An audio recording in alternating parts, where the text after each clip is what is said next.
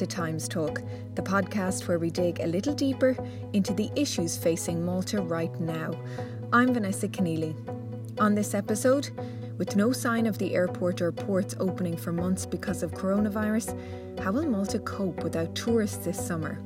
We had people who used to give tours who ended up pay- doing paint jobs. And uh, you, you try to succeed, but unfortunately, the industry in Malta it's, it's too hard to get in. His music was chosen out of thousands of entries by Bon Jovi fans. But why does guitarist Glenn Sacco feel he's not appreciated in Malta?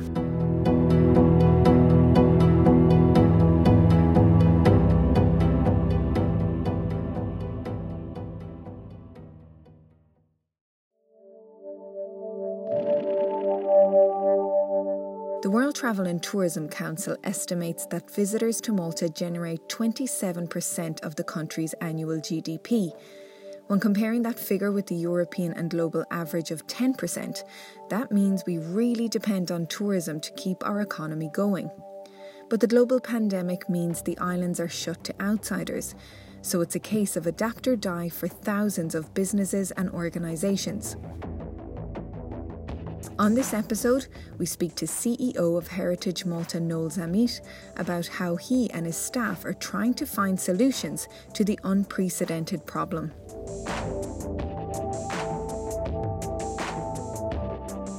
Heritage Malta as the national agency in charge of state museums and sites. We manage over 35 uh, sites and museums in Malta and Gozo. Uh, we employ well over 350, to be precise, 353 employees, uh, ranging from curators, researchers, conservators, uh, office staff, maintenance staff, skilled workers, and so on. Uh, we host uh, almost 2 million tourists a year from abroad and local tourism since we launched the heritage malta passport scheme has spiked to well over 120,000 a year this year was looking good for tourism in January and February. Um, the, the figures were up, expenditure was up, and then suddenly March. Tell, talk me through the last couple of months, what it's been like for you.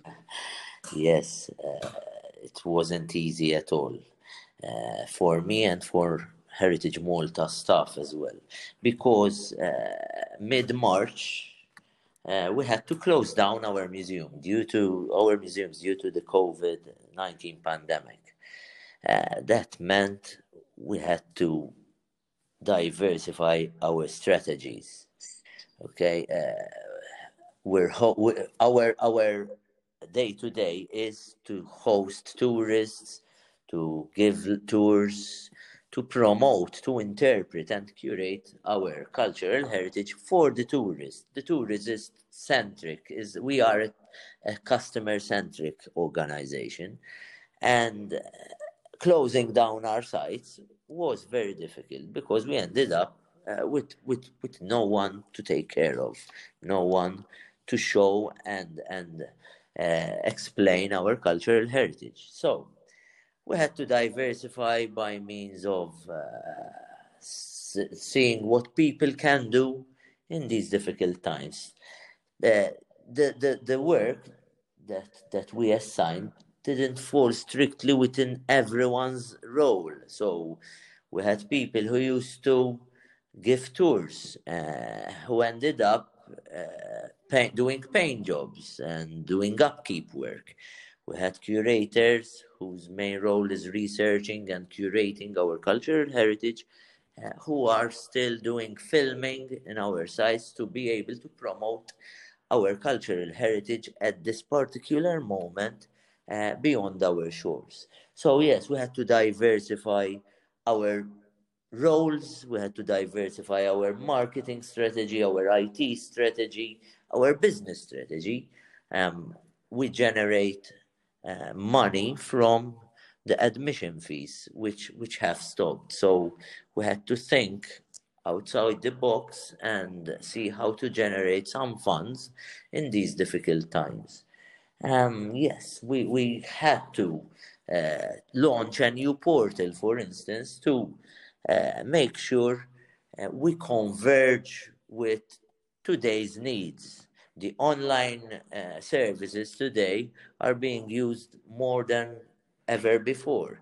We have people in isolation, people in quarantine, so they turn to the online world. So we need to be there, we need to be present with our educational program, with our services, with our products to make sure that we keep engaging our audience. That was primarily our first uh, reaction to this pandemic.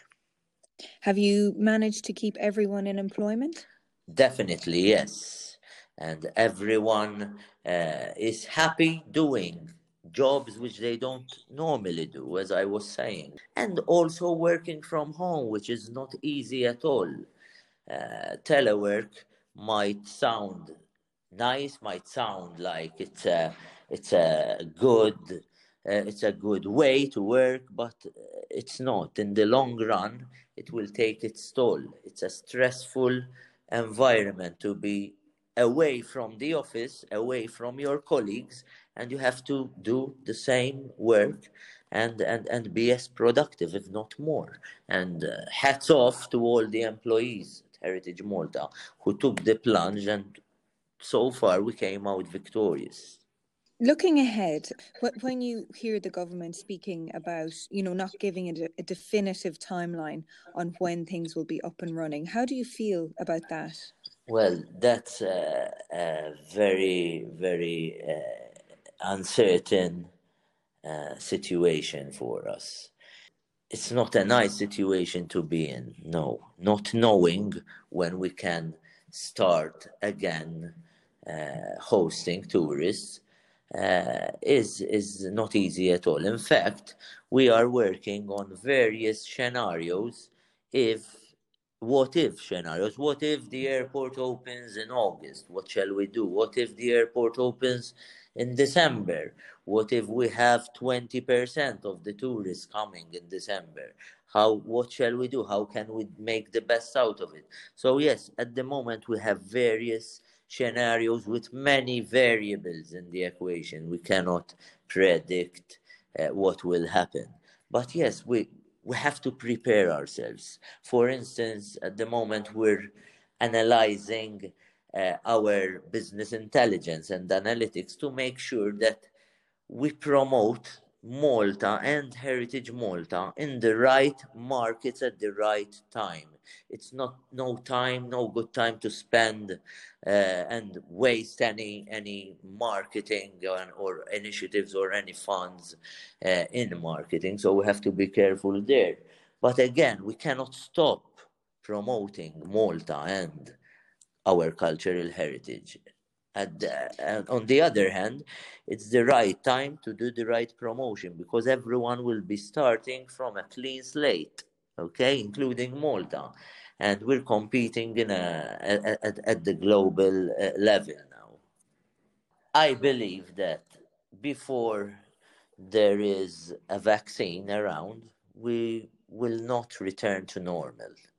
So let's say in August, assuming in August, where the airport opens with some corridors open from Europe, not all destinations will be will definitely be be available.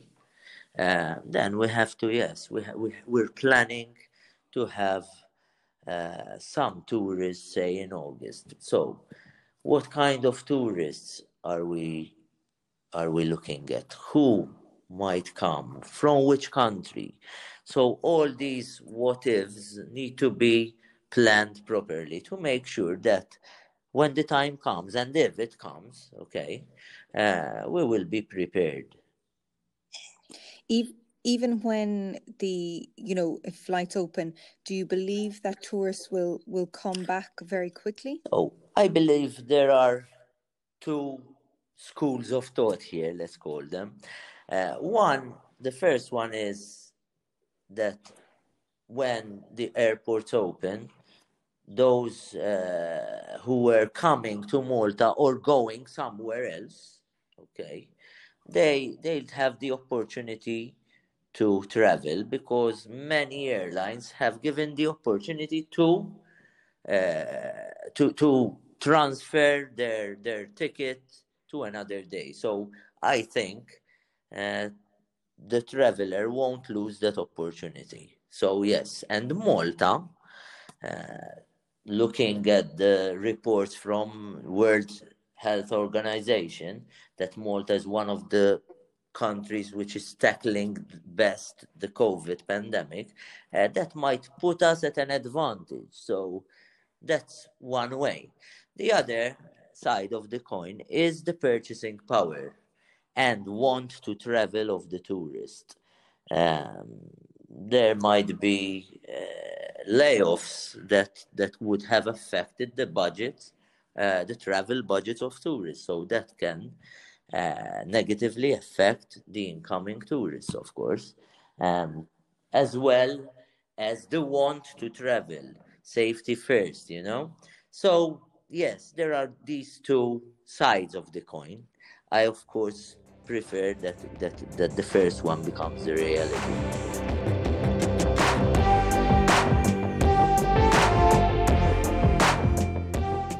Still to come, how one Maltese guitarist has been thrown into the international spotlight by rock legends Bon Jovi.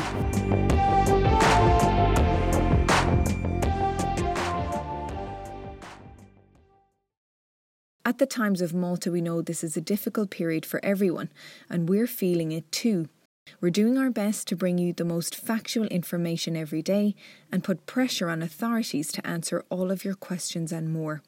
But independent journalism costs money, and we need your help.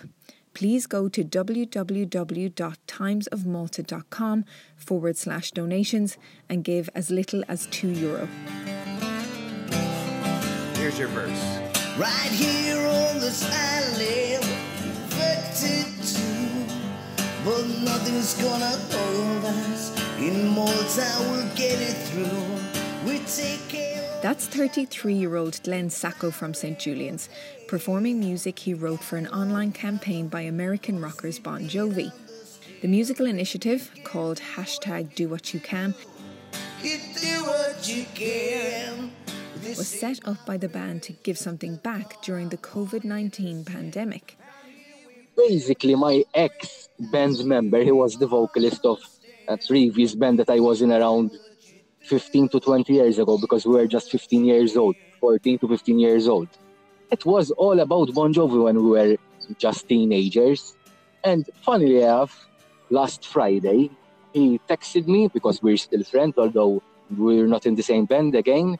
He um, texted me via Messenger. He told me, Glenn, um, there's a competition going on. Um, uh, bon Jovi released this song due to, due to the COVID crisis. And he told me, we have to write a verse. And he told me, Glenn, would you write a guitar solo for me? I told him, yes, of course. Um, uh, I'm interested. I'm going to do it just for the fun of it. I told him, but you know, it's hard to get selected amongst thousands of people. But we tried. So on Friday, he sent me um, uh, the Bon Jovi link. So I listened to the song. Um, I wrote a guitar solo in just a couple of minutes. I sent it to him. He liked it very much. Um, uh, and then obviously he told me just allow me to go and just shoot a, a, a short video clip around Maltese Silence. And obviously then he edited the, the video, which was uploaded on Saturday with the hashtag do what you can, the name of the, the name basically of the competition and of the song on Sunday morning, I was at home. I was um, playing live on my Facebook page because I do a lot of live videos every day. And I received um, a text message from the vocalist. He told me, Glenn, um, uh, go on uh, on this page. I told him, uh, I told him, you edit, you edit as, as if that we were chosen. He told me, no, Glenn, go directly on the Bon Jovi fan page. On the, on the original page, and as soon as I as I logged in, I could see that our video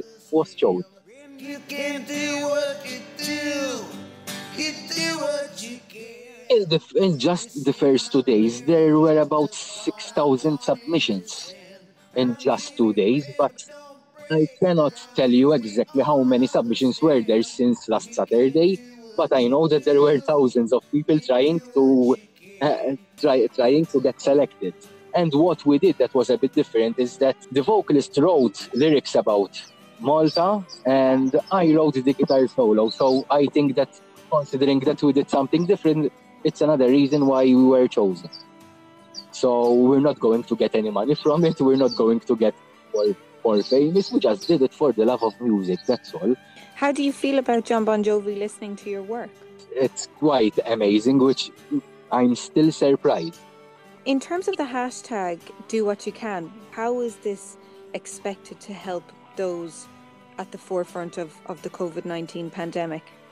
It's basically Bon Jovi came up with this idea, and uh, since everyone is locked up, especially the USA, not like in Malta because we're still going out, um, uh, it, it was just a message about hope, and and that's why we, we decided the vocalist wrote that although, for example, the verse that my vocalist wrote was that um, although we're in a small island, we're trying to help each other and still be there for each other just to get rid of this pandemic. Unfortunately, um, people start recognize start to recognize when you're famous. Even in Malta, if you're not famous and you're still playing, for example, good music, sometimes they don't even bother to, to like your video. And this happens even with local musicians. Instead of appreciating one another, for example, like like this happened, um, thanks to you, Times of Malta, you published this post, and all of a sudden you, you receive, for example, hundreds of friend requests, even from the music industry in Malta, you start receiving messages. So, you know what I say sometimes? When you get popular.